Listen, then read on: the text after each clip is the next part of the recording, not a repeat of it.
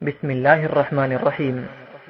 خوشخبری میں براسانی واسطہ جمعیت مکران الخیریہ اور السنہ